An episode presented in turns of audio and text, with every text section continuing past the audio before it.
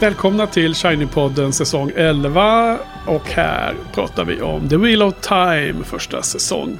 Och idag är det avsnitt 2 som heter Shadows Waiting. Och med mig som vanligt har jag mina eh, ständiga gäster denna säsong. Nu har vi Marcus, välkommen. Hallå! Så har vi Johan här, välkommen. Miau. Ja, Hej. Jag tror fast att vi glömde säga vad första avsnittet hade, eh, heter i förra poddavsnittet. För det heter ju Leave Taking. Som är ett av de tidigare kapitlerna i första boken. Och jag har lagt märke till att titlarna på eh, episoderna i tv-serien är tagna från kapitelnamn i olika böcker.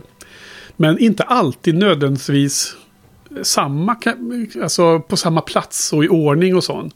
De har blandat hej vilt, så det verkar som att de använder dem kanske med lite så här eh, eh, glimten i ögat eller att de har någon tanke med att, att de lyfter upp ett kapitelnamn som inte behöver vara på samma plats i ordningen men som Ja. kanske ändå har någon form av eh, närbesläktad betydelse. Okej, så typ avsnitt fyra, den titeln kan ha, kan ha kapitel nio egentligen, eller den kan Ja, ta ett ja. kapitelnamn. Ja, alltså den här till exempel Shadows Waiting, det är ett kapitel nummer 19 i första boken. Okej. Som heter så. Mm. Just det här eh, kapitelnamnet är ju faktiskt också eh, samma handling. Det är när, när de går in i Shadow Logoth. Så här är det ett 1 till 1 förhållande. Mhm. Men det kommer senare avsnitt i säsong 1 som har namn från andra boken och som kommer i lite konstig ordning. Så det är uppenbarligen att det inte alltid är ett 1 till 1. vad det jag försökte Vad tycker du om det Henke? Blir du arg? Spännande, tycker jag.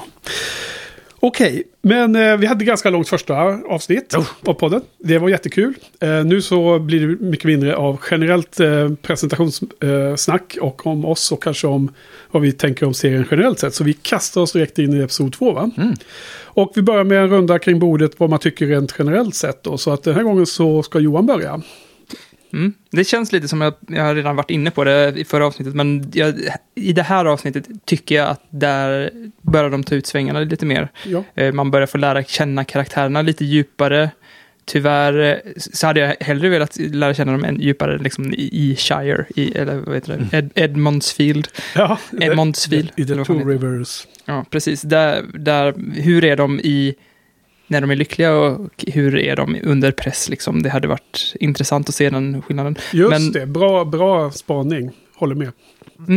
Så eh, vi kommer väl gå in på scener och sånt tidigare, men jag, som sagt så gillar jag, jag hellre att det är så här ojämnt och att man får några rikt, får riktigt bra scener och sen några är det okej att det är några dåliga scener, men hellre än att allt är mellanmjölk genom hela avsnittet. Och här är det verkligen, det börjar svaja lite och det känns som att de behöver svaja lite innan de hittar, hittar eh, vad det är som är deras grej i den här serien. Ja, ja. Så eh, det, ja, det känns som att man är på väg mot något eh, riktigt bra. Och det, det känns mycket bättre än tvärtom. Att det Ja. är några, en, en bra sol, solid början och sen går det ut för.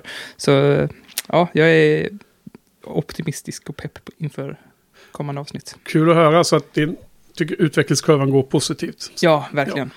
Ja, och jag var fa- faktiskt helt med. Jag, jag tycker att... Eh, jag tror att i onsdags när vi såg förhandsvisningen så för mig att jag, jag tyckte att egentligen att första avsnittet var det mer liksom häftiga. För att jag tror att det var för att jag blev så berörd. Eh, Marcus, när vi var såg det. Mm. Eh, men jag tycker nu när jag såg om avsnitten i lugn och ro i fredags här igår, som det är, när det har kommit på Amazon Prime, att det här är ett mycket lugnare avsnitt. Det känns mindre rushed och jag tyckte att jag njöt mer av de lugnare partierna. Och eh, även om det börjar eh, spektakulärt med en prolog i avsnittet där innan vignetten med White Cloaks som bränner en eh, Yellow Aja, eh, en, en Yellow Sister, Aes Sedai. Ehm, och att det avslutas spektakulärt i Shadar Logos så är det ju ganska mycket av de här eh, pratigare scenerna i mittenpartierna som jag gillar mer. Och då är jag inne på egentligen precis samma det som du är inne på Johan. Där. Verkligen. Ja, Det låter som att jag är enda som inte tyckte om det här avsnittet. Inte alls. Jag tyckte det var bör, börja bra, sluta bra. Eh, men eh, jag blev helt enkelt uttråkad i partiet. Okej. Att det, var, det kändes som en filler. Sådär. Ja. Det här är typ, eh, vi, vi väntar på någonting ska hända ungefär. Ja. Ehm, så jag var lite uttråkad i mitten. Mhm.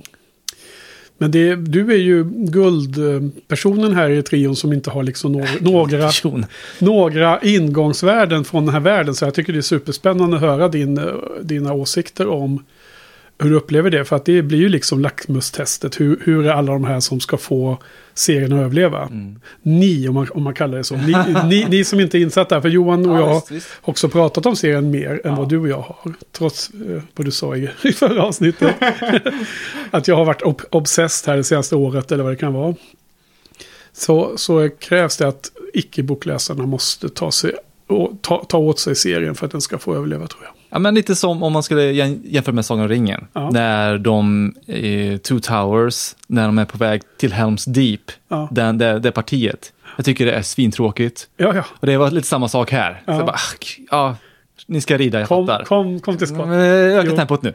Ja, jag förstår det. Och, um, ja, eh, men du har också bara sett det en gång, Mm. förstod jag. Och jag, när jag såg om det så tyckte jag att det var mycket starkare. Så att det till och med gick om det första avsnittet i min eh, så säga, slags interna huvudranking. Alltså rankingen som jag har i huvudet nu då på de här tre första avsnitten. Mm. Så att det är bara ett tips, Marcus. Ta sig om Jag det. kommer inte kolla om det. Jag vet, sen när du liksom är en die hard fan så kanske du ska se om allting. Då får du... Ah, vi- du tror jag kommer bli frälst? Ja, jag vet inte. Jag vet inte. Jag vet inte. Nej, jag har ingen aning. Nej. Okej, men hörni, eh, eh, kul att höra. Eh, det har ju en första scen och sen så, men direkt efter den då, om jag hoppar lite i ordning här, så får vi ju se sån här, eh, den här titles för första gången. Vad, vad tycker ni om den då? Den var skitsnygg. Vignettmusik och den här animationen och så. Ja, Ja. vad, vad tycker du, Jag Marcus? tyckte den var skitsnygg. Ja. Ehm, väldigt så här... äh, jag tycker det är kanske är tråkigt att jämföra hela tiden med andra serier, så här, men lite Game of Thrones, man, man åker igenom så här, något, någon så här, äh, det vävs fram. Game of Thrones var ju typ någon så här, Det byggdes. ja det byggdes fram och tillbaka, det var liksom så här som trä, träleksaker, eller vad man ska säga. Mm. Här var det samma sak, det vävs fram Ja. mönster och världar och så här. Jag tyckte det var skitsnyggt. Ja, jag tyckte det påminner lite om Westworld också. Ja, det gör det ju. Med de här Just det. trådarna. Just det. Ja, men absolut. Den här 3D... eh, 3D-printing, sådär, Ja. de här... Precis, men ja, vi pratade lite om det förra avsnittet också. Jag tycker att det är snyggt att det är tematiskt också. Mycket ja. För det är verkligen det. Det är ju eh, magin vävs och här är det väv, väv, vävda eh, mönster. Och dessutom så är det då att man får se sju olika färg, eh, personer, kvinnor, som har eh, dominerande färger runt sig. Och det är de sju eh, Aes Sedai-grupperna då, Ajas. Mm. Och precis innan den är slut så ser man ju den alla sju runt. Mm. Så, att jag tycker det är supernice. Mm. Och det är en jättehärlig musik som jag eh, har tänkt att vi ska ha som eh, poddens inledningsmusik innan vi börjar prata. Ah, just det. Och jag kollar på Spotify idag och det verkar, det verkar som att den kallas inte...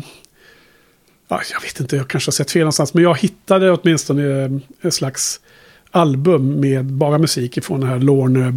Lorne vad nu heter. Ja. Eh, Det prat, jag har notes från förra avsnittet. Vi pratade aldrig om musiken riktigt. Nej, Och Men jag, jag, Just det. jag tror att eh, du kan klippt bort det från våran teaser. Men, för då pratade vi om, då var vi i Kalmar och jag såg Sagan om ringen i Kalmar, bla bla bla. Ja. Och eh, där hade jag fantasi, för jag hade ju läst Sagan om ringen innan jag såg filmen. Och, hade, och då tänkte jag så här, det här kommer inte, det finns inte på kartan att det blir det minsta som det har varit i mitt huvud. För där är det någon slags rockopera med, med power metal och grejer. Ja, i ditt huvud. Eh, ja. ja, eh, och... Eh, Frodo, Frodo. Precis, alltså typ, typ en riddares historia. men, men här är det ju så här, både att innan, inför de här teaser-grejerna så fick man ju se han som inte dykt upp i det här avsnittet, men det kom ju en, eh, en musiker med senare i, i eh, den här serien. Och han har eh, fått en gitarr, det har han inte haft i, eller hur Henke? Har han inte Ja. haft, det har han inte i böckerna. Absolut. Och det är väl en stor ändring, men också att det är modern musik, att man har lite distade gitarrer och sånt. Ja, Jag älskar det. Och det, och det är ju inte så här, det blir aldrig fånigt som en riddares historia. I din riddares historia passar det ju, för att då är det ju komedi liksom. Ja. Men det ligger mitt emellan Sagan om ringen och en riddares historia. Det är liksom moderna instrument, men, men liksom, det tar inte fokus liksom. Ja, nej, de, de ville undvika den här eh, lite mer karikatyrbilden av Ja. gam, gammaldags fantasy. Och det äls- älskar jag ja, verkligen. jag gillar det också. Jag gillar inte det faktiskt. Det finns vissa aspekter som jag inte gillar. Och det är när de har vocals. Jag, det är typ så genom alla filmer och serier. Så, här, så fort de börjar sjunga så tas jag ur serien på något sätt. Ja, nu, eh, precis, för nu är det ju sång i tredje avsnittet där. eh, Men han som spelar Tom eh, var duktig på både gitarr och på sång. Så att, Ja, det var inte det jag tänkte på. Jag tänkte på när filmmusiken, musiken, ja. liksom, inte när någon sitter eh, på... spelar i världen. Nej, eller när de river av någon cringe a cappella mitt i Ja. avsnittet. det, är inte de grejerna jag pratar om, utan det är när liksom, Okej, själva filmmusiken har... Jag, eh, jag får förbereda mig Som- inför en battle här. då, En scen- en scen här. Jo, men i alla fall. Eh, nej, men jag förstår Johan. Jag, eh, musiken är superviktig. Och, jag brukar oftast glömma den själv. Eh, nästan alltid när jag pratar om film och sånt. Men jag vet vissa andra våra blogg, eh, filmbloggare vi känner och andra folk. Som tycker musiken är liksom en av de viktigaste sakerna att lyfta. Så ni får gärna poängtera det och ta upp det mer. Mm. Men när jag var inne på Spotify och hittade det albumet och eh, eh, vad heter det, den som skrivit och komposerat musiken här är ju Lorne Balfe heter han. Jag vet inte hur det uttalas. Lorne, ba, nej men han, jag tror han är tysk eller något sånt där kan vara. Eller han, varför jag gissar på tysk det är för att jag vet att han har jobbat med Hans Zimmer förut. Och jag tror den eh, jäkeln är tysk. Han är lite lik Patrik som, från Bondpodden, tyckte jag när jag googlade. Lorne, varför? Ja, okej, okej. Patrik är vår vän i Göteborg som var och eh, med eh, när, jag, när vi gjorde Bondpodden som sagt. Ja. Vilket fall som helst. Det jag hittade då så kunde, kunde inte jag se vilken som var theme music. För du vet, det, är- om vi jämför med Game of Thrones som vanligt då, som vi sa förra, som vi gjorde så många gånger förra avsnittet. Där har de ju en uh, theme-musik som blir så himla ikonisk. Och jag tror att det är en ganska viktig poäng att få en ikonisk musik som folk kopplar till tv-serien. För att, eh, för att det blir bra för tv-serien. Men det, det som inleds här och det som fanns på Spotify det verkar vara Moraines theme. Så den har jag valt att lägga i början av våra avsnitt. Så. Eh, jag, har, jag har inte fått den känslan. Den är liksom så här, inte Wonder Woman, eh, eh, liksom ikoniskt på något sätt. Men däremot, typ de här White... Ku Klux Klan, eller de här... White Cloaks. Ja, White Cloaks, ja. De, de hade ju någon, någon liten besynnerlig, eller så här, vemo, eh, läskig melodi kanske Ja. man ska säga. Den tyckte jag var, den gillade jag. Så, Ja. ja, den känns som någonting man skulle kunna känna igen i alla fall. Alltså, Moraine Theme är ju också lite läskig. Lite så här med sån här eh, orolig eh, fiol låter det som. Ah, Okej, det- Ni får höra. undrar om det var hennes melodi. Ja, det, var, kan vara. det var i slutet av de här White Cloaks eh, riddarna. Mm. Ja, precis. Eh, I den här världen finns det ju inte någon så här... Han jobbar ju, Robert Jordan jobbar ju inte med religioner i den här världen. Alla tror ju på samma creator. Men det finns ju bra många olika folkslag, länder och olika kulturer. Som, det är de sakerna han jobbar med. Och det finns ju extremism, fanatiker av alla slag. Mm. Och de här White Cloaks är ju uppenbarligen fanatiker, det har ni redan fattat, gissar jag. Ja, det påminner om Game of Thrones, de här eh, White Doves, eller, eller vad heter de? Ja, de är, i den fallet var det ju väldigt Ja, de här religi- munkarna, religion. eller? Nej, men de här Ja. som var i huvudstaden. Precis. Um, Jag kommer inte ihåg som vad höll det på heter. att jävlas med? Ja, just det. Cersei. White Sparrow. Ja, eller någonting med precis. Sparrow. Någonting Sparrow. Eh, White, White Cloaks, de, är ju, de, de jagar ju Dark Friends. Uh, on, ondskefulla människor på andra sidan. Men de är ju fanatiker så de tar ju det till sin... Till sin eh, till en, till en extrem. Så att de menar på att Aes Sedai var ju med och, och bro- broke the world. Breaking of the world Mm. för länge, länge sedan. Ja, då är alla Aes Sedai dåliga. Så det, den fanatikerns enkla svarta och vita värld lever ju de under. Mm. Så det får man ju se här väl etablerat. Och vilken chock egentligen. Ja, att, bra eh, start. Att de bränner en Aes Sedai levande på bål är ju... eh, Liksom, det är fan med överkurs Med alltså. avhuggna händer. Ja, Som han liksom tog exakt. sådär och så här, var det lite, liksom inte leksak typ. Han säger "Äh, hej, en Ja. hand där liksom. Och, och det får mig att tänka att de kommer etablera i serien att Aes Sedai måste ha sina händer kvar för att kunna göra magi. Jag gissar att det här... Oj, ursäkta, nu står jag och pillar på din uh, ja, mick lyckligtvis. Men det kanske låter... Det kanske låter. pausen där också. Vi säger det.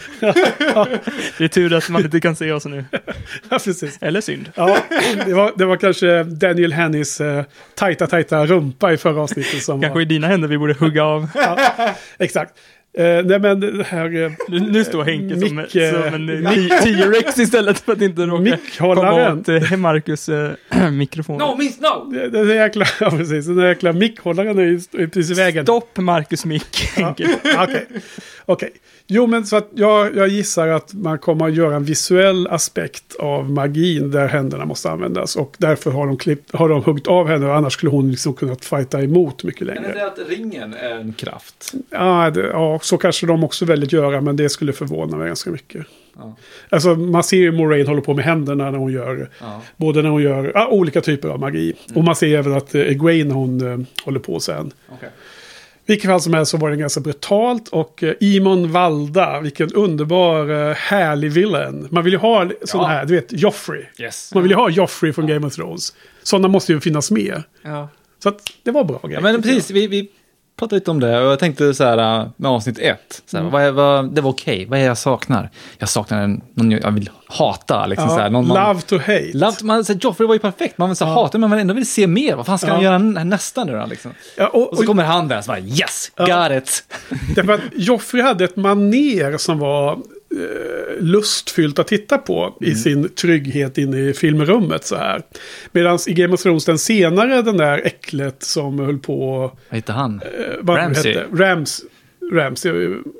Ja, vad han nu hette. Det han som könsstympade? Ja. Han, han var inte lika kul som Joffrey, för han, han var bara elak. Jag tyckte han var lite one note i mina ögon, medan Joffrey hade liksom någon slags craziness över sig också. Ja. Och, och här tycker jag Iman Valda är ju det här liksom hur han äter den här absurda maten som är någon slags fågel. Ja, det var en liten kiwi eller? Ja, men, Först- ja, men först såg det ut som en jättestor skalbagge tyckte jag. Ja. Men sen så pratar jag om det som att det är en fågel. Ja, Ja. Det, det var ju en rolig exposition, men det påminner lite om eh, Succession. Det här, har ni sett det? Nej, jag har inte sett den. Eh. Där finns det, i början är det ett avsnitt där de ska äta också en fågel och sånt där. Och då ska man så här ha på sig några ögonbindel och grejer. Värsta alltså, upplevelsen, ba- bara för att så här, om man är svinrik, hur eh, liksom, höjer man upplevelsen på en vanlig liksom, lunch då? Ja. och det är så här, ja, Ja, han satt och blödde och sådär. Ja. Ja.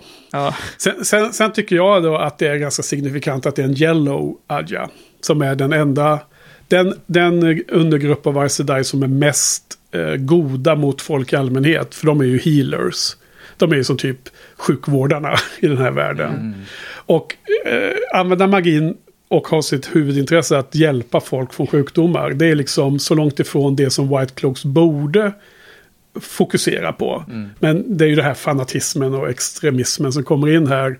För Iman Valda säger det skitsamma. Precis. Om hon är god. Ja. Och hjälpte just ett litet barn som har brutit benet liksom. Eh, Han kanske borde jaga andra eh, personer. Men low hanging fruit. Han tog en yellow aja. Så han hade dödat sju stycken. Sa ju Moraine. Hade, hon hade snabbt koll på hur många ringar som hängde i hans bälte senare. När de träffas i Han samlar skogen. på liksom, eh, troféer liksom. Ja, från eh, döda. Det här, det här tycker jag, de jackar upp stakesen lite mer än vad man snabbt gjorde i boken. Så här tycker jag är bra grejer. Jag Bra start, Jag gillar verkligen. det. Ja, ja, det var en rivstart av det avsnittet. restart. Absolut. Och sen håller de ju på. Sen, sen så efter um, title så då är det den här superlikt Sagan om ringen ganska länge. Du vet, de ska vara jagade av monstren och så kommer de till den här lilla floden. eh, Taren Ferry eh, byn. Och ska åka över med Master Hightower. Mm. Det är väldigt likt De gillar Sagan vatten. Ja, exakt. Ja. Och det är precis som när Frodo de hoppar över på en sån där som man drar med, med ett rep och allting Ja. över. Mm. Och, eh, men sen gör ju Moraine där då...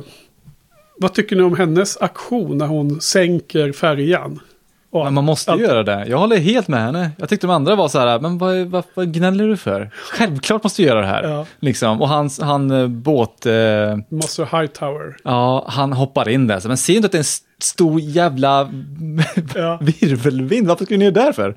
Ja, plus att, vad är det på andra sidan? Ja, så, jag, Vad, är- vad är hans endgame? jag, jag förstår inte sådär. Och sen så, eh, vem var det hon som var med i gänget nu då?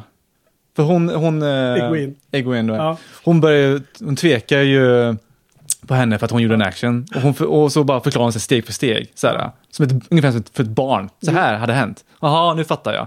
Ja, Du borde ha fattat innan! Men, men samtidigt får du köpa in att de här, eh, de här 20-åringarna som kommer från den här byn, de har ju levat ett, levt ett ganska köttet life. Det är kanske men första gången de, de ser hennes någon dö. så. reaktion var ju liksom iskall. Alltså, Moraine, ja. Det som gör Moraine till lite av ett psycho är ju inte att, att hon gjorde det, utan att hon bara "Eh, Whatever, han får väl dö typ. Ja. Och inte rör en min. Det är Nej, det nej. som är lite psykotiskt. Men, Ja, psykopatisk. Psykopatisk ja, nej, men jag, jag, jag, jag älskar henne för det också. ja. Att, eh, det, jag, jag kan tycka att, igen om man jämför med Sagan ringen så är det ju väldigt så här, alla, alla goda är jättegoda och alla onda i den världen är jätteonda. Det är ganska få i den världen som är liksom en gråzon. Medan i Game of Thrones, om vi jämför de här två ytterligheterna där Wheel of Time är emellan ju, som vi pratade om förra veckan. Game of Thrones är ju nästan alla gråzon. Väldigt få är ju rent onda. Jag menar, du vet, Jamie Lannister som alla hatade i början. Sen plötsligt var han värsta hjälten i slutet, Ja, tyckte visst. folk. För att det fanns en gråzon liksom. Gråa per... Och jag tycker att den här världen, i alla fall i böckerna, är väldigt mycket gråa eh, karaktärer också. Nästan alla våra allra största hjältar gör ju extremt eh, tveksamma val under sin resa. Vilket är otroligt eh, rimligt om man eh, råkar ut för extraordinära saker om och om igen under... Ja, en, Ja, men man gillar en- det liksom att, att eh, precis, precis som du säger, in, de är inte perfekta människor. Mm. De måste göra svåra beslut liksom. Ja, och Moraine har ju levt med den här questen i 20 år och bara hållit på med det hemliga letandet efter den återfödde Dragon och mot alla andra i princip. Så att hon är väl väldigt fokuserad på sin uppgift. Väldigt in i sitt eget huvud. Nu, det här är hon och Län som bara ska genomföra detta, tänker jag. Så att hon är nog så iskall i alla lägen. Man, och man ser det senare ju när, när Rand får någon slags eh, utbrott på henne och börjar hävda att nu vill jag gå hem igen liksom. Då bara hon, nu, nu är jag uttråkad, säger hon ungefär. Eller hon säger, jag, jag har inget mer tålamod, nu, nu går jag liksom. Och så rider hon iväg. Alltså det var det bästa i hela avsnittet. Eller jag Ja. tror att det är den bästa scenen på hela de här tre avsnitten. För där, där känns det som att de både reagerade rimligt på situationen och, och, och, och eh, verkligen dialogen svängde där, tyckte Ja. jag. Absolut att den, eh, Någonting hände. det, det var Ja. dynamiskt. Det brann till lite. det. Jag håller helt med och, och de, de refererar till vad som hände med Hightower och säger kommer du döda oss också? Om vi inte gör exakt som du vill. Ja. Hon bara, nej nu, born now säger hon, så går hon bara iväg. Ja, för det, vi pratade om det när vi, under Buffy, så här, att folk kan vara så här gnälliga och göra, ta fel beslut, men, men det som verkligen spelar roll är hur omgivningen reagerar på det. För det hade varit så jävla jobbig, tråkig scen om det bara var han som whinade, liksom. Men att någon liksom reagerade på ett rimligt sätt, så som vi typ reagerar som Ja. tittare, då, då Ja, för, Är för det både intressant? Egwene och Matt övertalar ju Rand att nu får du hänga på här liksom. Ja. För att de, de ser ju som, hon har ändå hjälpt oss med allt det här. Och Mm. vad skulle vi annars ha gjort liksom. Och, och, det, och det är så coolt tycker jag. Jag har skrivit det någonstans i alla mina notes. Om det var i det här eller nästa avsnitt. Men det är skitsamma. Jag tycker att ganska mycket av dialogen är så här oavslutad. Någon karaktär frågar något till den andra och den andra svarar något annat. Eller pratar om något annat och inte, väljer att inte svara. Och det tycker jag är så bra manus. Därför att jag tycker dåligt man, dialog i manus är om det är en slags transaktion fram och tillbaks. För så funkar inte folk. Nej. Folk pratar ju helt hejvilt med, när man pratar med varann. Mm.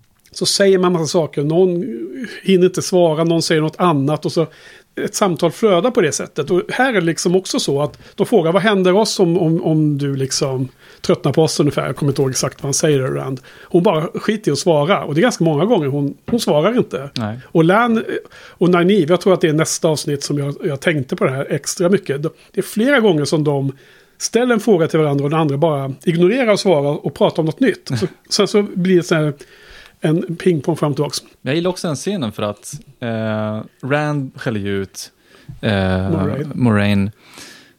Och han förväntar sig att, henne, hans kompisar ska typ hålla, backa upp honom, Ja. hålla med liksom. Ja. Nej, get the fuck, vi åker hem. Men de väljer ju hennes sida egentligen så här. Ja, Jag gillar liksom att det här, nu är det till lite så här skift, maktskifte, eller att man säger liksom att de litar mer på henne än honom. ja och, det, och det, det så får de att tänka över är väl rimligen det att hon har etablerat och de har själv sett att de där Trollocs kommer ju annars anfalla Two Rivers och det vill de inte. Ja. Och hon har eldbollar, det har inte Rand. Exakt, det, det är ju Matt, han är ju underbar i den scenen. Men, men sen då så får man först en känsla av, jaha nu drar Moraine och eh, lämnar dem åt sitt öde om de nu väljer fel. Men sen ser man ju att Lan är ju där bakom klippan. Jaha. Så han är ju där och kollar att de gör rätt val. Just det. Tänkte inte på det. Jag gillar Land alltså, han är skön. Ja, ha- hade de liksom börjat gå hemåt, det hade ju inte heller funkat. Uh-uh. Nej. Turn around. Ja, exakt. Så att han hade ju något där, Rand, tänker jag. Säkert, När man absolut. ser, eh, ja. Han är också, också en karaktär som börjar växa på en mer och mer. Ja. Mm. Men det temperamentet som Moraine visar där, det var det som jag tänkte att... Vad hette hon? Hon, eh, klokfrun som de kallar det. ja, på svenska översättning är ju så otroligt svag. Klokfrun. Ja, wisdom. Wisdom, ja. Kallas för klokfrun. Det, Nynaeve. Nynaeve, ja. Ja, Det var ju det temperamentet som Imon, jag... Imon Fields klok fru heter Nynaeve. Men för att eh, i bok... Det saknar jag lite från boken, för där, där har hon ju det här temperamentet liksom. Men det är ju inte bara dåligt, det spelas upp som humor lite mer, att det liksom bildar hennes karisma. Det är så här om man... Folk liksom passar sig för att säga kaxiga saker mot henne för att hon, hon blir Hon är- asarg. hon men kort hon- stubin. Kort stubin, men det vänder lika snabbt. Hon blir, hon, det försvinner lika snabbt liksom. Men, men här är det ganska one-note från hennes sida. Så det, det som Moraine visade här, det, det skulle jag vilja se mer i Nynaeve.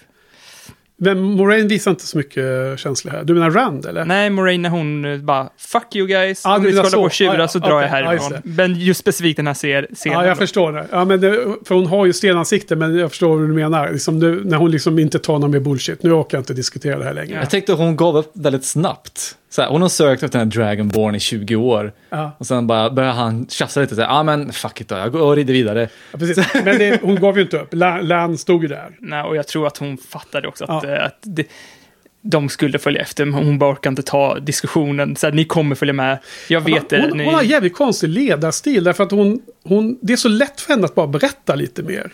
Så att de förstår varför de måste följa med. Hon gör ju inte det. Det är ju som en svaghet i hennes personlighet. Eller så är det så att hon har levt med den här hemligheten så länge att hon inte kan öppna upp sig med lätthet.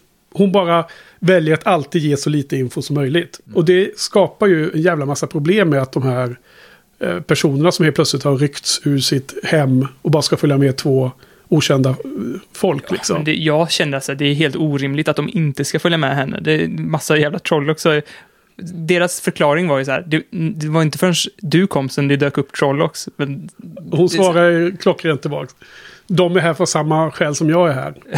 Troll också. Så det var ju en av den diskussionen. Zing. Ja, men sen så håller de ju på där i skogen. Och då är det en väldigt fin scen mellan Perrin och Green tycker jag. När de frågar Do you think we'll ever go back? Frågar Perrin. Så home? Frågetecken. No. No. No. Eh, Enkelt. Ja. Jag tror inte det. Jag tyckte han, eh, nu är det förra avsnittet men när han fick det beskedet säga, från sin tjej, Rand, det, det är det vi pratar om? Rand och... Nej, det var ju Perrin och Egwene som hade en fint moment i, i Ja, det, skogen. fan. Vilken är lite föraning till nästa avsnitt tror jag. Ja. Men vad var det du tänkte på med Rand? och- Ja, jag blandade ihop det lite. Men eh, det som jag tänkte på var när eh, Rand och eh, hans tjej, Ja. eh, när de gjorde slut och han typ bara, jag förstår, jag förstår ditt val och sen typ kramar om henne. Och sen eh, när eh, klokfrun dör och eh, hon bara, ja men då kan vi vara Kalla det inte klokt för jag kommer, jag kommer gå i Jo, bitar. jo, jo, jo. Wisdom. Ja, I love när. Ni- försvinner ja. Ja. Ja, ja. ja. när hon försvinner så bara, men då kan ju vi hänga igen. Och då liksom, eh, då ligger det, alltså även om han eh, liksom helt, vad heter det, han har informationen eller så här, han, han agerar inte på sina känslor. Eh, men känslorna finns där, märker man ändå. Det tyckte jag var rätt snyggt. Ja, och jag, jag tycker det, det kommer fler scener i den här, bland, här lite senare i det här avsnittet nummer två. Eh, när de är ute i skogen och plockar pinnar och så, där de håller på och liksom är lite bråk fortfarande. Så de har ju någon strul liksom. Ja, men det var det som jag... Jag tänker att ni hänger med i min hjärna. Men, Ja. men där, han agerar inte på sina känslor, men man, man märker att känslorna är kvar just i den scenen där. där eh, Ja, för att, för att jag, jag, jag, jag tycker den är bra därför att hon säger så här, du vill inte ens titta på mig och så här, och efter att jag har gjort mitt val. Och hon misstolkar ju hans inre tankar, uppenbarligen. Och eh, du bara hatar mig, säger hon. Och så vänder han sig om och säger, jag skulle aldrig kunna hata dig. Jag tycker det blir, som, det blir en liten twist i slutet på den, den scenen. Super mikro, mikro, om om man zoomar in på bara den scenen så är det ju liksom de har ju en väldigt gedigen relation i botten. Liksom. Sen blir det, de håller på och, och käftar nu för att det har blivit en ny situation. för ja, för det känns ju som att den är mer gedigen för honom än för henne. För att... För, för Ja, men, hon, ja, men hon söker ju hans, liksom, hon vill ju inte bli utstängd från honom. Så jag tycker hon har stor, alltså min, det jag läser från henne är att hon eh, behöver den relationen också i den scenen. Eller hur menade du? Mm, ja, men absolut. Men eh, innan det så var det ju liksom hon som på, något sätt gjorde slut. Ja. Och han tyckte inte det var rätt val, k- tolkar jag det som. Ja, Men han förstod det valet. Ja. Och eh, sen när, när det inte liksom funkade för henne, eller det liksom sket sig för henne, det, det valet, ja, då ja, vill du hon tillbaks. Att- och då det känner han fanns- sig att det, det nu har det skapats en spricka här i, i mitt fundament. Eh, ditt fundament var inte lika starkt från början, så att du Ja. kanske kan svänga tillbaks, men för mig är det för sent. Liksom. Ja, ja nu, nu jag förstår vad du menar. Det är en jättebra spaning. Jag har inte tänkt på det så mycket själv. Men för att när, när eh, det finns den här natten där på det här första stället de övernattar ute vid någon slags grottor. Då har ju Moraine haft en liten lektion med Green och bland annat beskrivit de här tre oaths eh, som de, eh, alla Aes Sedai, eh, har, har tagit via magi. Så de måste ju följa de här reglerna. Men då när hon kommer tillbaka så vill hon ju lägga sig bredvid Rand och vara lite, ha lite trygghet där gemensamt. Liksom, som också känns rimligt. Men då skjuter han ju bort henne där och vill liksom, nej jag ska sova här själv. liksom. Ja, ja, ja, ja, ja, jag tycker att den i, i tv-seriens kontext också är lite konstig. För att han var ju... Men det är nästan som att han straffar henne för att hon typ gjorde slut. Scenen. Straffa, men liksom, han har väl skaffat sig en annan bild av henne. De har ju gjort slut. Och eh, ja, som sagt, det, det skapar ju en spricka. Han, det kändes som att Ja. han hade, tog deras förhållande på större allvar. Ja, och när hon gjorde slut, förstår. då, Ja. var det liksom, då var det liksom slut för att han... Ja. Och nu när hon har förlorat Nynaeve så, så börjar hon söka sig tillbaka. Ja, nej, jag, jag, jag kanske är för romantisk där och tycker att, att, att, det, att det är liksom att han skulle... Även om det är slut då, då så skulle det kunna vara så att de har ju... För det kommer ju senare i det avsnittet. I, i Logos, i den natten, när de är inne i den här döda stan. Då går de ju upp och står på en våning och tittar ut över den här taken. Och då har de ju en moment när de håller varandra i hand. Det, det läser jag in som att de har liksom slutit fred igen. De har kom, hittat tillbaks till en vänskap istället för ett romantiskt förhållande. Men det här är ju någonstans mitt på vägen där, när han eh, som inte vill att hon ska sova bredvid honom. Så jag tyckte att det var liksom, nej men vad gör du Randy? Det är väl konstigt. Men Jag tyckte det var väldigt moget och friskt beslut av honom att liksom inte ta tillbaka henne. För att hon har bevisat att, hon, att man inte kan lita på hennes liksom, kärlek, eller vad man ska säga. ja. Så det, det kändes helt rimligt att han var så...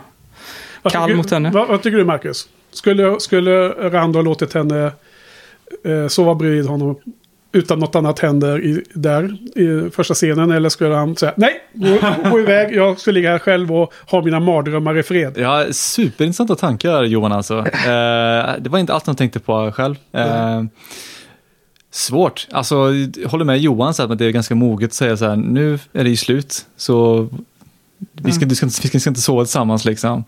Ehm, ja, vad ska man göra? Ja. Och det här är ju något som inte finns i böckerna. Så att vi, man kan ju inte spoila det heller som bokläsare. Utan vi alla tre har ju lika mycket. Det är bara vad man upp, uppfattar från showen liksom. Mm. hur man läser de här scenerna. Däremot så kan jag ju då tycka om man eh, ser lite vast på det så blir han ju, får han ju direkt en, en eh, blir han bestraffad direkt. Därför att vad som händer då när hon har gått iväg är att han får den här första mardrömmen som vi får se. Mm. Första på grund av att vi vet ju redan att i nästa avsnitt så kommer det vara en mardröm till som en person har. Så att det finns ju någonting med drömmar i den här världen också som är lite nasty. Så han drömmer ju där att han, eh, alltså det är så bra filmat, det blir helt tyst. Man hör hans andning jättetydligt. Det blir lite lätt eko. Han hör att han börjar så här liksom, det är något i Just halsen. det, just det. Do you think we'll ever go back? Home.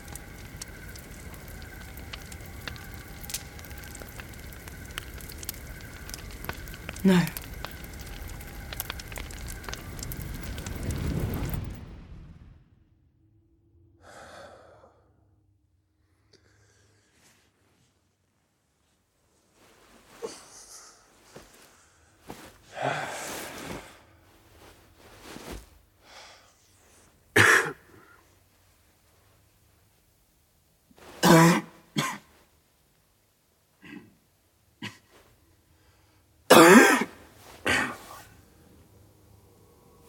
Liksom, det var något som var väldigt spännande som bokläsare att fundera på. Hur ska de representera drömvärlden? Och nu vet jag inte om vi har sett allt i vad de kan representera drömvärlden med. Men en del, en del filmer eller tv-serier kan göra olika färgtonalitet och kan göra lite så här suddigt. Eller det finns olika sätt att Mm, göra det här mm. på. Men i det här fallet så var det blev det liksom bara helt tyst. Och sen var det det här ljudet lät så annorlunda. Så att det, jag, jag kände direkt, speciellt i andra titeln nu, att nu är vi inne i en dröm. Okej. Och så får han den här grejen i halsen som är en fladdermus. Och jag tycker det var så jävla vidrig scen. Alltså det var jag starkt fattar inte att det jag. var en dröm. Nej, samma här. Jag, det, det tycks mig coolt också med deras drömvärldar, så att man inte vet först att det är en dröm. Ja, Det är bara liksom någonting händer.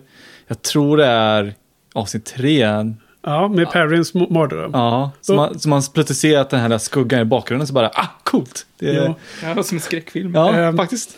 Det, det- det, fanns horrorinslag i båda de här. Sen dyker det upp en, en man i svart och som har liksom brinnande ögon Mm. i, i Rans dröm här i.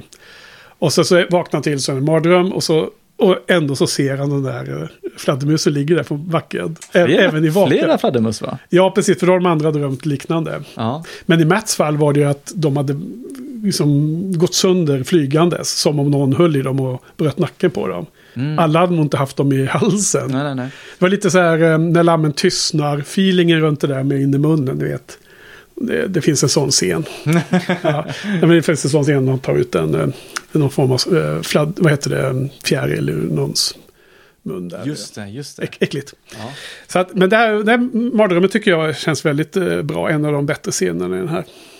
Får jag cirkla tillbaka till de här eh, eh, reglerna? Ja, Kommer du ihåg vil- vilka regler det var? Eller kan du recitera dem? ja men där? jag har skrivit upp dem här. Har du det? Mm. Kan du dem utan till? Så att Aes Sedai, ja, jag kan betydelsen av dem känner jag till, men jag kan ju läsa här också. Men Aes Sedai eh, uttalar de här liksom under en ceremoni, så alltså att det här är någonting som de måste följa, de kan inte bryta dem. Och eh, i den här världen så, hon säger också det, jag tror hon har sagt det nu då, så, så det här är inte en spoil, att det är också ett sätt för människor att egentligen kunna lita på Aes Sedaierna. Fast människorna har ju massor med historier och sägner och sånt. Och de är ju rädda för Aes Sedaier, så därför är det precis som i vårt liv att det man är rädd för är man liksom ha- hatisk mot till slut. They're the promises made by the Aes Sedai to end Arthur Hawkwing's siege of the White Tower. And what are they? To not kill, to not lie. Exact verbiage. Words are important, and how we use them is important. I don't know. One, to speak no word that is not true. Two, to make no weapon with which one person may kill another. Three, never to use the one power as a weapon, except in the last extreme defense of her life, or the life of her warder, or another Aes Sedai. These oaths are bound by the one power itself. It's not that we do not break them, it's that we cannot break them. Det låter som eh, du börjar lä- läsa upp reglerna till eh, Gloomhaven. Så det- de jävlarna. Massa Jag exceptions och kan ju fortfarande inte reglerna. Där vi vet För, spelat för alla lyssnare, Gloomhaven är ett stort eh, brädspel. Ja. Vad heter det? Brädspel? Bordspel. Ja, brädspel. Som vi har Mm. ihop. Och som vi har spelat några gånger. Men vi har aldrig riktigt kommit, kommit in i det Det tar känns det så många som. pauser mellan spelet. Ja, typ Ja. på två år. Ja. Senaste pandemipausen. ja, det var en stor pandemipaus där. Ja, det var ju lite så. Däremot har vi spelat uh, Firefly the Game många gånger här hemma. Så Det det, kan vi var, det kan vi. Det är också mycket regler, Marcus, eller hur? Du var ingen fan. Jag höll på att lägga mig på golvet och bara gråta Ja. som en liten bebis. Var det alla regler där eller? Ja, det var de här tre.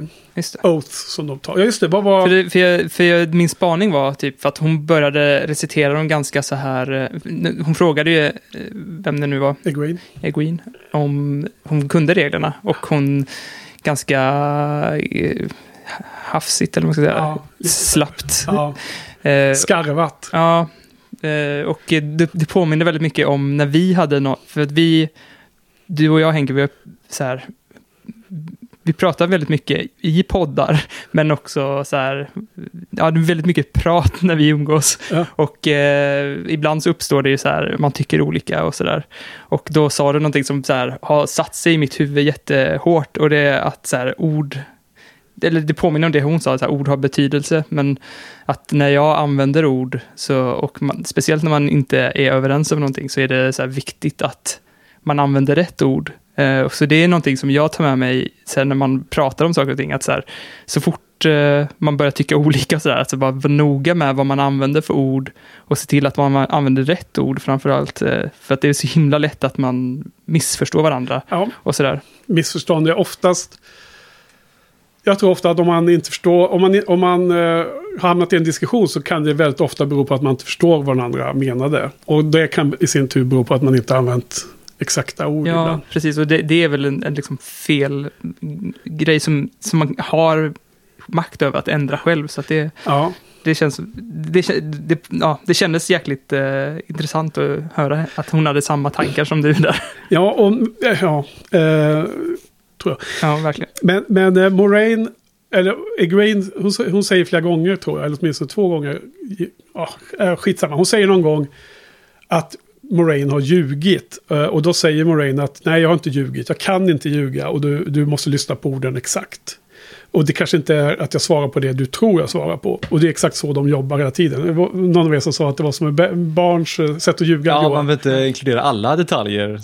Nej, precis. Jag menar, hon säger... Så för sen träffar de ju på White Cloaks i den här skogen också, som jag tycker är en annan jättebra scen. Ja, så den är väldigt ja. spännande. Eh, ter terrorspännande att Moraine kan bli avslöjad och Imon Valda som håller på att döda Sedai hela tiden. Hon är supersvag. För övrigt väldigt, väldigt bra tycker jag att de gör... Showen gör henne vitare och vitare i huden. Hon ser mer och mer sjuk ut. Väldigt bra. Gra gradienten går mot döden liksom för henne. Och... Eh, Men, men då när de frågar henne vad som har hänt och när hon berättar, hon säger inte att de har varit i Two Rivers, hon säger Terran Ferry och så vidare. Men de har varit i Terran Ferry och monstren var där och så vidare. Så hon säger inget som, jag som, som observerar det här extra noggrant ser att manus är skrivet så att hon säger ingen lögn. Men hon svarar inte heller på exakt det som frågorna är. Ja, just det. Alltså, Så att- alltså oath, oh, hennes oath säger inte att hon måste svara på någons frågor. Nej. De säger bara att hon kan inte uttala en lögn. Nej, precis. Så hon, hon kan inte säga så här att min jacka är vit om den är blå. Men däremot så, så eh, kan, kan hon slingra sig och välja att svara på andra saker. Mm. Och om någon frågar om vilken färg är din jacka så kanske hon börjar prata om vilken färg är det på skorna. Ja. Och sen så har den frågan försvunnit sen. Min jacka är inte gul i alla fall. Ja, till exempel. precis. Det, känns ju, så- det känns ju som verkligen så här eh, eh, o, att man, det, man kan lätt ljuga. Bara Exakt, använda men andra ord. det är också en stor genomgående theme i böckerna är ju att man kan aldrig lita på en Aes Sedai därför att de Alltså inte därför att, trots att de inte kan ljuga, så kan man ändå inte lita på dem. För att de uttrycker sig så diffust hela tiden. Mm. Så en väldigt spännande aspekt i hela, som jag hoppas att showen kommer ta fasta på. Ja, men vad bra scen. Jag gillar ju han eh, White Cloak, Cloak Ja. eh, ledaren. Ja, Eh, han som börjar liksom taf- tafsa på Moraine där. i- det är ju samma från eh, prologen va? Ja. Imon Valda, ja, precis. Ja, Ja, vi vill se mer av honom. ja. Men varför sa de att de kom från Ta- Tarren, eller vad det hette, istället för Edmondsfield? Hon ville nog... Eh, igen att hon, hon ger inte ut information om hon inte måste. Hon vill det verkar som att allt i Moraines agenda ska vara så hemligt som möjligt. Om hon inte måste berätta exakt vad det hände. För då kan de potentiellt gå dit och där vet, de, där vet folk att hon var en Sedai. Kan till exempel vara det. Ja, just det. Där, ja, precis. Där kan de bara fråga folket, vad, vad gjorde hon här? Ja, om hon skulle till White Tower. Eller, Ja, sån här grejer. så vet liksom. de att de är på väg dit. Ja, men makes sense. Ja. Eh, senare då i alla fall när de har kommit förbi där. Om ni inte har några fler kommentarer angående det här mötet med White Cloaks. Jag tänkte bara en liten grej igen. Vi sagt innan med, med sminket och allt det här liksom. Det var en annan eh, ty- typ av ledare i White Cloak Ja, som hade superstylat hår. Jaha. Det var bara så här, finns det vax i den världen? ja. Dagsvax. Eh, han heter ju. Lord Captain of the Children of the Light. G- Gothram Bornhald. Lång titel. Ja. Men senare så rider de vidare där de väl har blivit av med White Cloaks. Och då börjar ju eh, de här, eh, våra eh, Two Rivers-folk att sjunga på den här sången om Manetheren. Är det någon stor grej från boken? Eller? Ja, de, det här är så en jävla fanservice. ja, men de, de höll på ganska länge att förklara den här låten.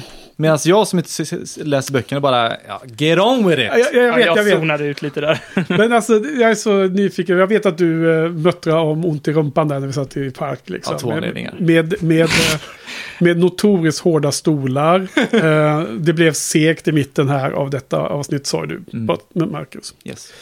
Uh, Manetheren och, och historien där som hon berättar. Nu, nu gjorde jag så att jag kollade exakt hur lång den var. Så, så inte ni kommer dra Minst tio minuter. Ja, exakt. Och vad tror du Johan? Jag har svaret Det här var väl framför typ halva avsnittet. Ja. ja, men alltså det är så lustigt va, för att jag har också tajmat hur lång den här sången var i nästa avsnitt. Som också kan eventuellt tyckas vara för lång. Men här, den är alltså 3.15 som Moraine berättar storyn om Manetheren. Tre minuter i himlen är bättre än två minuter i himlen. Ja, men det, det kanske var långt, men för, för mig är ju det här en av de här delarna man sitter och ryser nästan. Oj. Som bokläsare. Och den här storyn är ju eh, liksom... Det är, jag vet inte varför fans gillar den så mycket. Jag kommer inte ihåg hur jag upplevde det första gången jag läste den. Det här är ju från första boken. Och det är liksom 95 jag läste den. Så att jag kan, kommer inte ihåg det. Men jag tycker att hela den här storyn och Alltså grejen är så att det är väldigt så här mäktig. Prata om, om episk fantasy. Det här stora landet som hjälper alla sina grannar och sen inte får hjälp tillbaks. Och att de liksom eh, höll stången på den här oändligt stora armén. Och Helms Deep fast utan att ha någon borg att skydda sig med. De var bara på en strand. Men det är den här kvinnan som försvarar... Det är här staden, hennes eller? man. Det är alltså kung Imon med sin här, med sin armé från Manetheren försvarar sig mot en mycket, mycket större armé av uh, Trollocs och allt sånt där. Likt Helms Deep i The Two Towers. Men jävlar vad jag slår i den där. Den. Men, men de har liksom inget, inga, inga befästning. Det är ju bara en bänd. Liksom det, är en, eh, det är vid ett vad. Det är där Trollocsarna kan komma över. Och de, när, så när man mäter tiden de kan stå emot i timmar så, så håller de ju ut i 13 dagar till slut. Så är ju hennes story då. Och sen då, och då har liksom de dragit iväg med barnen upp i bergen. Men alla andra, även vuxna kvinnor och sånt där hjälper till. Och sen när han dör då, kungen, då så... Då är ju drottningen en Aes Sedai. Och då visar det sig, hon som vad hon nu heter, Elendre Sedai. Och då gör hon, drar hon så mycket power så att hon liksom förintar fienden vid en stor eldstorm. Och sen så dör hon ju själv på kuppen. För hon drar för mycket av eh, magin så det går inte att hantera Ja, det. är, inte, är en grej med Ice Die att de har bara en viss gräns och till slut så de dör, nå- någonting stort de, de händer? bränns ut. Så de bränns ut. Om de drar för mycket så bränns de ut. Och då kan de bara leva vidare men de kan inte hantera magi längre. Men Okej. Mm. om de drar ännu mer så kan de också bara typ förintas. Det var, det var så jag Hon, hon, förstod bara, hon, storyn. hon, hon liksom, det är liksom atombombseffekt på henne. ja, Och eh, dessutom så, så gissar jag, det här har jag inte koll på från bokläsandet, det kanske finns på internet, det borde vara etablerat, men eftersom eh, Moraines historia slutar med att drottningen känner när hennes man dör, då måste det vara en, att, att det är han är hennes warder, tänker jag då. Så hon känner det direkt när han dör då. just det, de är ihopkopplade. Så Lan känner av... Eh, Ja, och det, kan, och det var en av de sakerna jag inte ville prata om i episod 1. För att det är nu... Nu är vi i episod 2. Okej, nästa avsnitt får vi prata om det. Men eh, låt oss eh, spoila lite ett avsnitt fram då. Eh, Nynaeve säger ju det till, till Lan. Jag vet att du känner det Moraine känner när hon sätter på den här medicinen. Som Nynaeve gör i nästa. Så etableras ju åtminstone, om man inte har förstått det tidigare så etableras det i tredje episoden att en Warder och Aes har ju någon form av magisk eh, connection också. Det, och jag tror till och med att de redan har sagt det faktiskt i första avsnittet, eller när det var att Moraine säger att en Warder och en Sedai kan ju få varandras kraft. Så att anledningen till att hon överlever det här eh, Trollocs-svärd-såret som hon har i axeln tror jag förlängs av att hon suger energi från, från Lan. Lan, okej. Så att, eh, det kanske inte ens är spoiler vid det här läget. Det, det är lite komplext med att nu vi har tre avsnitt i rad att prata om som vi har sett. Från och med nästa vecka så kommer vi kunna prata om allt vi vet eftersom då har vi inga eh, tv-series-episoder som är framåt i tiden. Ice Die, har, har alla en sån här Warden eller? eh, Nej, de röda väljer att inte ha det och det finns många andra som också väljer att inte ha det. Men eh, de flesta väljer att ha det och man kan ha en eller fler till och med. Så de eh, Green Adja har ju fler Warders ofta. Så de, är pepp, de peppar ju upp sig för, inför kriget. Och det är ganska bra att ha fler badass Om man har en sån ifall man använder för mycket magi eller? eller? Nej, de är vanliga livvakter. Man kan, ju dö av en pil. Ja, Eh, eller bli nerhuggna och så här. Okej. Få en kniv i ryggen. Mm, Så att det, det är allmänna muscles och eh, medhjälp. det är många som är efter Ice to så de måste ha en livvakt. Imon, Valda Ja. och andra. Mm. Jo, men så att ja, ja, jag tycker att den här scenen är ju överlägset den bästa scenen i hela det här avsnittet. Vilken scen då? Ja, men det här när hon berättar om Manetheren och allting. Ja, okej. Och Den jädra scenen. Ja, men liksom det har så... Alla de här som bor på det här stället, Ja. de är ju ättlingar till de här som de beskrivs. Och de beskrivs ju som den bästa armén som har funnits där då efter the breaking of the world. Mm. Eh, och i sådana här episka high fantasy-världar Mm. och berättelser så har ju lineage, det, ättlingskap har ju betydelse. Liksom, kommer man från en väldigt stark nation då är det ju badassiga personer som bor i det landet. Även om de jobbar som bönder eller fåraherdar. Liksom. Så att det har ju som, det har ju som en, en slags känslomässig konsekvens att, att höra den här backstoryn tycker jag. Ja. Det är en fanservice och det, det är för bokläsarna. Och ni bara tycker, ah, fan gå vidare nu. Det har har inte varit slagsmål på ett tag. Nu har det inte varit kärleksgnabb på ett tag. Nej, det också. Nej, men verkligen. Eh, ja, men precis. Om man läst böckerna så uppskattar man den mycket, mycket, mycket mer. Ehm, sen har jag ren spoilergrej här sen, men det kan vi, eh, det kan är vi väl ta en annan gång. nu. Det kan vi ta en annan gång. Tänker du på vad som kommer hända i framtiden eller? Ja, alltså det här är ren spoiler som... är- Ja, det, det är synd där. Alltså, vi, har ju, vi har ju sagt att den här podden ska vara spoiling, spoilers bara upp till det tv-serieavsnitt som vi pratar om. Alla äldre avsnitt kan vi, som redan har gått kan vi prata om såklart. Det vet man ju om, men inget i framtiden. Men det, det finns ju så himla många eh, foreshadowing och Easter eggs i de här avsnitten som uppenbarligen pekar på framtiden om man har läst böckerna. Right. Och så, då har vi ingenstans att prata om det. Men jag funderar på att skriva blogginlägg på min blogg. Som Ja, är- men jag och Johan kan lämna rummet. Så kan jag Nej, men jag kan inte säga det för, lyssnarna heller. Eh, Okej, men efter de har gjort det här då så, så är de ju igen liksom... Du vet, de ska sova någonstans. Och sen så svimmar ju Moraine av till slut. Och så är de ju... Blir de ju till slut, i, i, kommer ju Trollocs ikapp dem. Mm. Och då måste de ju fly in i Shadalogos. Och det är i slutet på avsnittet. Vi närmar oss slutet. Mm. Men la ni märke till några saker här på vägen? Eh, först då så, om vi hoppar tillbaks, det första natten när Egwene blir väckt av Moraine. Och de pratar om The Three Oaths. Jag glömde nämna det då. Och nu visar jag smycket som börjar liksom få Exakt. magi där. Första lektionen. Ja. Och Egwene lyckades manipulera magin lite. Mm. Tills i slutet så fick hon den lysa till. You don't listen to the wind, the wind listens to you. Ja, men det var väl en härlig... Mm. Gi- Gillar du den? Eller var den... vad tycker du? Jag, brukar, jag brukar alltid så här, äh, när jag kan lista ut dialogen innan. Ja, Någon så här, the, you don't listen to the wind, uh oh, här kommer det. Ja, ja, ja. Eh, Johan, du då? Men det hade varit festligare ifall någon du en brakare där och bara listen, listen to this wind. Ja. I'm a windbender. Ja. Men innan de gick dit, ja, vad fan, jag, jag tar inte ens det skämtet. Så, så, så såg ni att Moraine... Låtsas inte om det. Nej, jag låtsas inte ens om det. Såg ni att innan hon väckte Egwene, såg ni att Moraine tog handen över henne i luften så? Hon låg och sov. Kände på fisen. Nej. Det så, så, så, så, ja, det. jag såg det. Jag tror att Moraine testade, kände av om den här eh, kvinnan kan använda magi.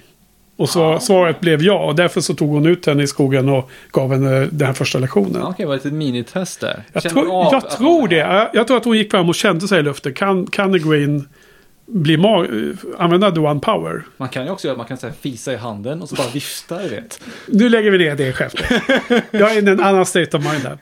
En annan sak som jag, som jag saknar från böckerna är ju att Lan ska ju utbilda de, de killarna i gänget i, i krig, i våldets konst. Men det har de helt skitit i här. Varför har de inte med det tro? Eller en krigare. Ja, ja. Ja, Han är ju eh, Moraines warder och ah, krigare i allra högsta Jag tänkte grad. på annan. Ja. Måste lära mig namnet. Rand, tänkte Rand tänkte jag på. Ja, ja nej, han är fåraherde. Mm. Men de, de måste ju lära sig. De ska ju fightas liksom. För att Mm. överleva hela tiden. Så att i böckerna så, precis som Aragorn lär hoberna. Mm. Och fightas, eller om det bor de i, du vet de håller på och, Ja, tränar sig det. liksom. Det. finns ju liknande, eftersom allt är lika Sagan om ringen här i början, så, så finns det liknande scener i böckerna, eller i boken. Ja, Jag tycker att det är lite synd att de inte har med det för att det är liksom en, känns som en rimlig sak att göra när man reser ihop och flyger. Det kanske kommer. Det kanske kommer. men var det kanske var för att, att de här trollexarna är hack i häl på dem. De hinner, inte- hinner liksom inte ta en paus och eh, liksom lära dem kriga. Att De måste verkligen resa hela tiden. Kan det ha varit det? Ja. What about second breakfast? Mm. ja, okej. Och nästa grej som det var som jag då kom att tänka på här när de sista natten innan de fly, flyr in i Shar- Shadar Logos. Bara därför att då har ju Trollocs kommit ikapp dem. Då Moraine ligger avsvimmad. De från Two Rivers ligger och sover. Och Lan är ju borta då. Han är inte där vid elden. Han är någon annanstans och spanar. Sen så vaknar Egwene precis före. Lan kommer in och säger vi måste fly, de är där uppe. Hon vaknar först av alla liksom. Och då tror jag att det är en återkoppling till den där Listen to the Wind-scenen i första episoden. För hon liksom hör det där. Det är hennes... Hon hör att de är liksom... Jag kan inte höra Listen to the Wind utan att le nu längre. Nej, jag vet, jag förstår det Johan. Känner det. Okej, då får vi droppa den också. Ja, Nej, förlåt. Ja, tänker jag. men, eh, men eh, jag, jag missade att hon eh, men- lyssnade, att hon, hon, att hon hörde ja, du någonting. missar ju det i första ja. Och då tänker man inte på det nu i andra heller. Nej. Ja, mm, första märkte jag av. Okej, okej. Ja, just det du märkte jag. Ja, men jag, jag tycker det, nu har jag sett det två gånger så jag har studerat det noggrant och pausat och sådär. Men Mm det är tydligt att först så tänker man varför har inte Lan redan märkt att det är fiender i närheten. Men han kommer ju inspringande i, i, eh, i campen och, och, ropar nu vi måste fly. Så han har ju varit liksom lite utanför och gjort någon så här eh, check the perimeter och sådana här saker. Men Lan visste väl om att staden var cursed? Ja, men vi, det är inte i staden nu, vi är utanför. Det är Ja, okej. innan. de hade- I någon nedlagd by där va? Ja, det, det är några ruiner liksom. Mm. Och Egwene vaknar precis före Lan kommer in. Men hon vaknar först, får man se, alla de andra ligger och sover. Pojkarna bara, de bara sover. Eller killarna. Mm. Och så tittar hon upp så ser hon en fej där med eh, den här hästen med det här, det här häftiga vita eh, hästkraniet som sitter på som en liksom liten mask på hästen. Det är ganska häftigt tycker jag. Nej, det är ju Jo men det är en bra design. tycker du inte det? det är skithuntigt. Men du gillar Trollocs där jättemycket. Men det, just det tycker Ja, du inte det, är det är en effektivt. vanlig häst de har liksom satt på en liten Ja, dödskalle. Ja, ja, men, ja, eh, det blir bra för mig. Inget som stod i böckerna på något sätt. Men jag tyckte det var bara en innovativ design. Men han sitter ju där uppe en, en fade. Och sen så kommer, ser man alla facklorna från uh, Trollocs. Så Egwene är först på att vakna. Och jag, jag tänker att det har att göra med att hon lyssnar på den där vinden. Och kunde liksom höra det där hotet komma. På samma sätt vaknar hon här nu precis innan Så kommer Lan inspringande, så de hade vaknat ändå. Men jag tycker det var lite så här intressant att de valde att hon upptäckte det här först. Ja, hennes liksom. krafter växer liksom. Ja, precis. Exakt. Det. Sen springer de in i Shad- Shadow-logot. Och då är, det, då är det resten av avsnittet då. Så där, vad tycker ni om det? Vad, den här svarta... Jag gillar det. Jag tyckte det var lite, som, vad heter det? Moria från Sagan om ringen. Moria, Det här ja. liksom så här, det är nå- någonting hänt här i en övergiven stad. Så jag, jag gillar det här liksom, de kom in i staden, så här, man fick själv liksom så här lista ut, eller så här, Ja. det, det var en, en storytelling, liksom, bara att allting var tomt. Tyst och dött liksom. Ja, precis. Jag, jag gillar det. Och, Väldigt eh, eerie. och sen så när den här liksom, effekten börjar komma fram och tar en av de hästarna. Liksom. Det var, jag tyckte en bra effekt. Ja, den heter ju Mashadar. Mm. Det kan man också se i den här trivia texten som Sarah Nakamura har skrivit då i den här X-ray-appen. I Eller Shadow, X-ray. är det Shadow eller? Mashadar heter den. Ja, men den he- Shadow-logos hette staden. Jag tänkte att Shadow Ehm. kanske betyder Shadow eller något sånt där. Eh, just det. Det betyder ju shadow waiting som det avsnittet heter. Ah, Så det är old tongue. De har ju något gammalt språk då. Och, och på engelska så är det shadow waiting. Vad är det för backstory på eh, den då? Det, det är någon... Jo, men det var... Det ingick ju i Moraines eh, beskrivning av Manetheren. Fast det var ju då du zonade ut. Och du också. Men beskrivningen var att Manetheren... Snark! Manetheren hade den stora armé som hjälpte alla sina vänner. Och den andra starka, som var fristående liten nation, det var den här staden. Och de var jättestarka. Och de hade lovat Manetheren att hjälpa till nästa gång åt det hållet. Men de, de kom ju aldrig. Utan vad de gjorde istället var att de murade in sig. Och nu såg man en spricka i den gamla muren. Det var så de, våra hjältar kom in där här nu, nutid. Men de murade in sig för att skydda sig mot det här kriget som pågick. Men sen var ju kriget över och då kom det folk dit och liksom försöka få hjälp av den här rika nationen då. Och såg att oj, det är en mur runt allting. Och till slut bröt de sig in och ingen var kvar. Alla var döda. Och då sa, sa hon ju också att de... Eh, om det var Moraine eller om det var Lan som sa senare när de gick in där för att slå läger att det var liksom inte, on, det var inte den eh, The Dark Ones ondska utan det var bara människans ondska som hade förgjort dem själva. För, för när de kom in så säger Lan, rör ingenting, vi bara sover här. Men det här skuggmonstret, Ja. vad, vad är det?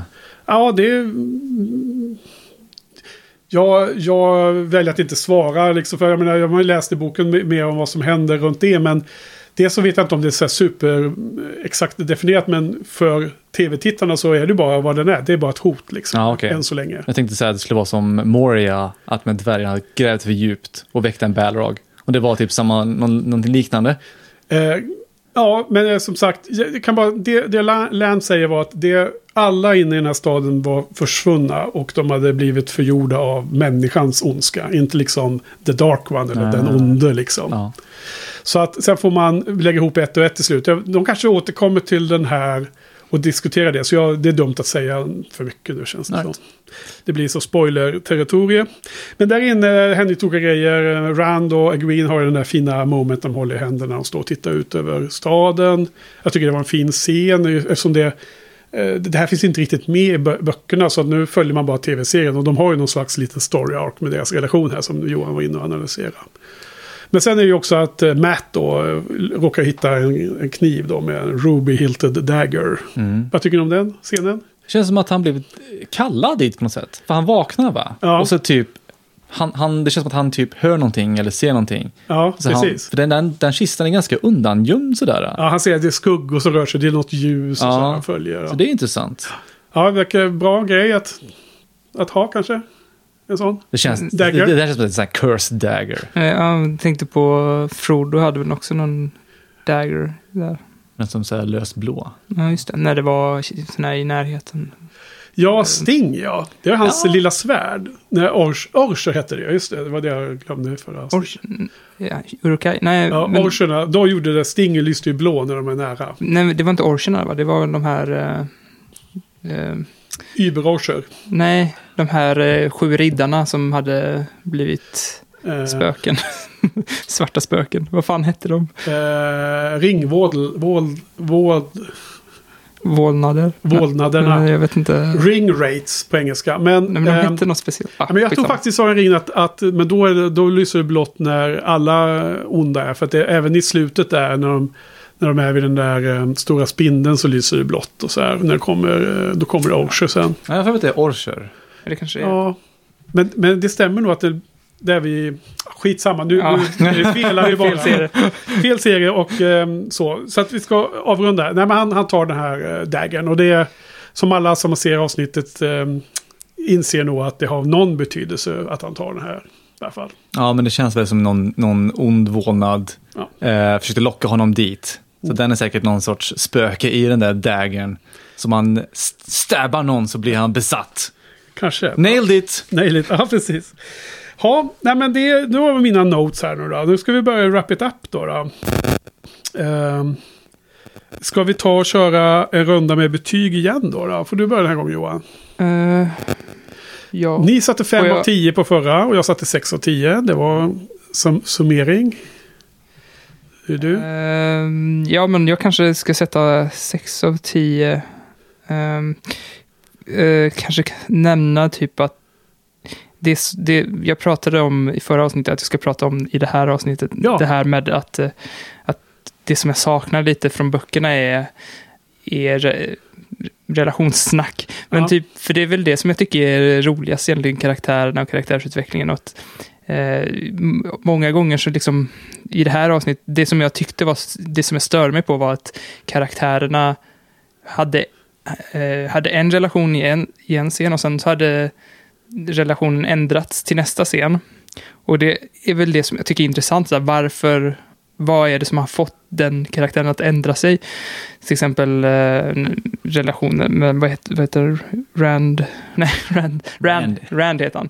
Och hans flickvän. Först så bråkar de och sen så är de sams. Och det jag tycker att det, jag tycker att deras relation är för intressant för att bara låta eh, ske mellan raderna.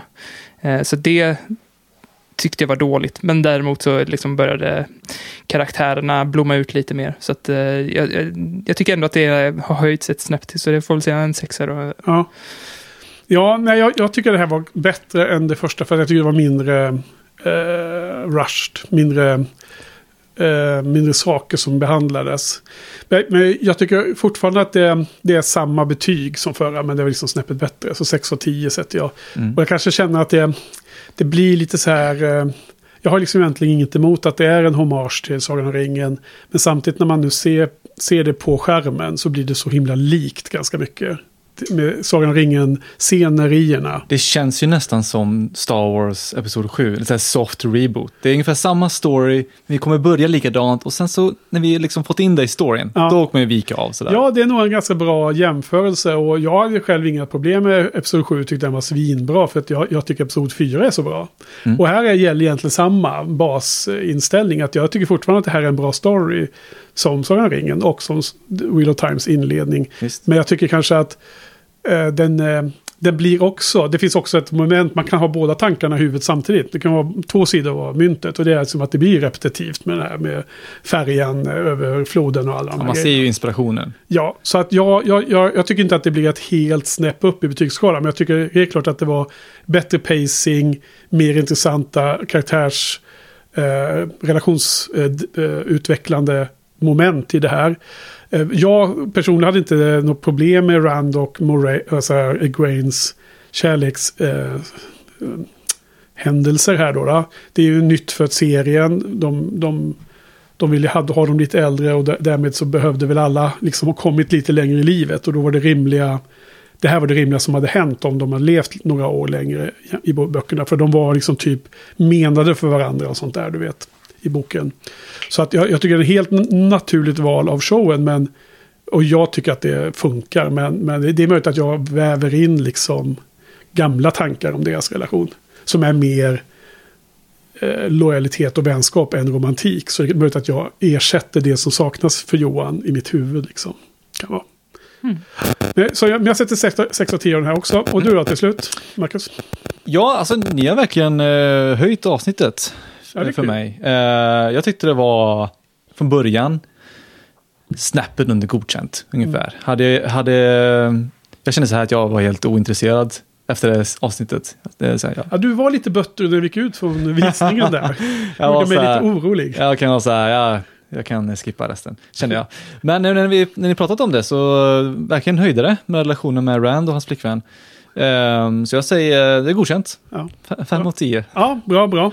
Helt okej. Helt okej. Helt okej. Jag börjar känna mig som Erik nu, Ja. bara, när han är helt ointresserad. Han bara, ja, det är okej. Ja, Erik var den tredje världen i eh, Har du inte sett? Tredje amigon. Eh, Det våran videon. X-ray Henke. Ja, på, på den eh, förra podden. Så på tal om X-Ray ska jag bara nämna då de mest intressanta sakerna. Allt, allt det jag nämnde förra avsnittet finns ju igen. Men det som jag lyfte här, dels har vi den här Legacy, då är det Brandon Sanderson i fokus. Som jag tyckte var väldigt intressant. Det blir som intervjuer och bakgrund. Och sen har vi det Origin Stories då. Och då är det just animerad kortfilm om The Fall of Manetheren. Så precis det här som ni då zonade ut för lite, som jag hyllar så himla mycket med Moraines story. Det är då i det animerad format. Så jag kan verkligen rekommendera de där animationerna. De är mellan tre och fem minuter. Och det är väldigt fina, eller intressanta små bakgrundsgrejer som showen ändå har lagt ner. Amazon verkligen har lagt ner tid och energi på att göra liksom extra. Så det där I like, kan jag säga. I like. I Eh, like it a lot. men då, då var vi klara med den här veckans andra av tre avsnitt och poddar. Så tack så hemskt mycket mina herrar för idag. Så, Tack för idag. tack Marcus. Ja, ja, så lite. Tack Johan. Tack, till publiken. Så hörs vi igen för episod tre alldeles snart. Hej då. Bye, bye. It's good to remember Manetheren. It's just a song. No idea who Manetheren is, anyway. In the old tongue, Manetheren means mountain home.